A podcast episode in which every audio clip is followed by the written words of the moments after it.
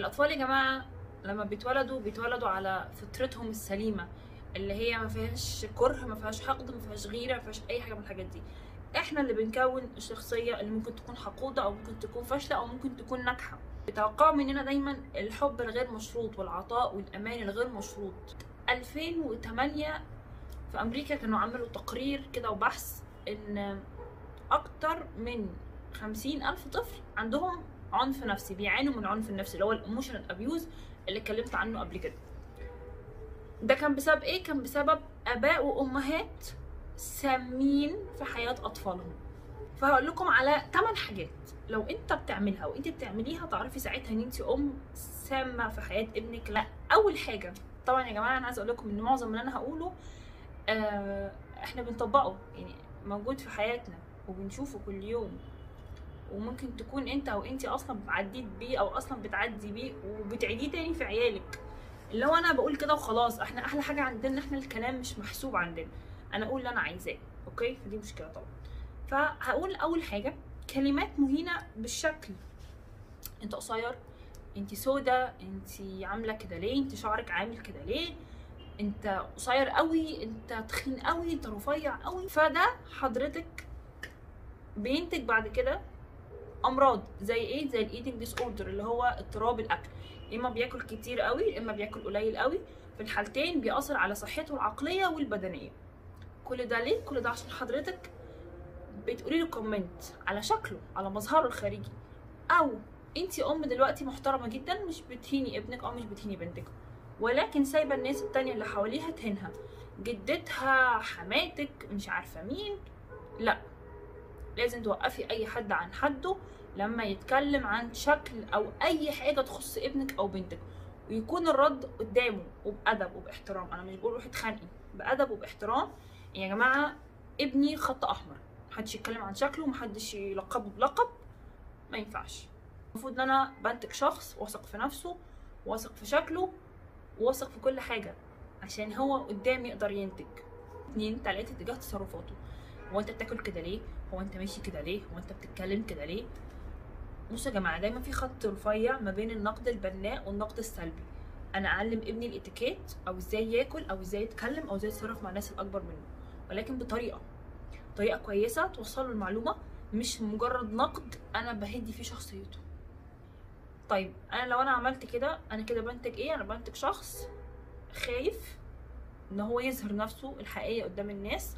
وخايف دايما إن هو يتكلم أو يتصرف أو يعمل أي حاجة والناس تتريق عليه.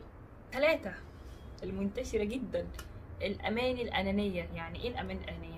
يعني أروح لابني أقول له يا ريتني ما خلفتك يا ريتني ما جبتك يا ريتني كنت جبت طفل تاني. طيب أنا عارفة إن أنت ممكن تكوني بتقوليها في ساعة غضب. بس هي مش مشكلته هي مشكلتك أنت مشكلتك أنت إنك تتحكمي في لسانك اللي هو هيهد شخصية بني آدم. حضرتك ده طفل هو بيتشقى لو هو بيتصرف حضرتك شوفي لو انت حاسة ان الشقاوة دي حاجة مش طبيعية شوفي ممكن تكون تصرفاتك اللي خلته كده يعمل كده. ممكن يكون هو عنده مشاكل صحية تابعيه. لكن هو بيعيش حياته الطبيعية بيلعب وبيقلب البيت. يجي تقول له كده يا ريتني أنا ما خلفتك انت كده بتوصلي له الرسالة الآتية إن أنت ملكش لازمة وإن أنت ملكش لازمة في الوجود فيبدأ هو يسأل نفسه هو أنا إيه لازمتي في الحياة؟ وده بيخليه يوصل لاكتئاب مبكر. أيوه والأطفال بيجيلها اكتئاب عادي. أربعة تقولي له وتحسسيه إن هو عبارة عن عبء سواء كان ما عبء مادي أو معنوي. حياتك ما تسمحلكيش بإنك تجيبي أكتر من طفلين. خلاص ما تجيبيش أكتر من طفلين. المجتمع مش هيفيدك بحاجة والناس اللي حواليك مش هتفيدك بحاجة لما تجيبي أطفال كتير جدا وما تربيهمش مش عارفة تربيهم مش عارفة تت... تتحكمي ومش عارفة تسيطري على تربيتهم.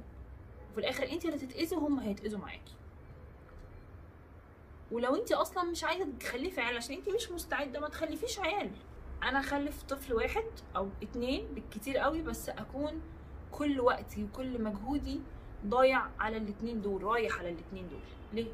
إن أنا هم دول مشروعي في الحياة. انت لما بتجيبي طفل انت ده هو ده مشروعك في الحياة.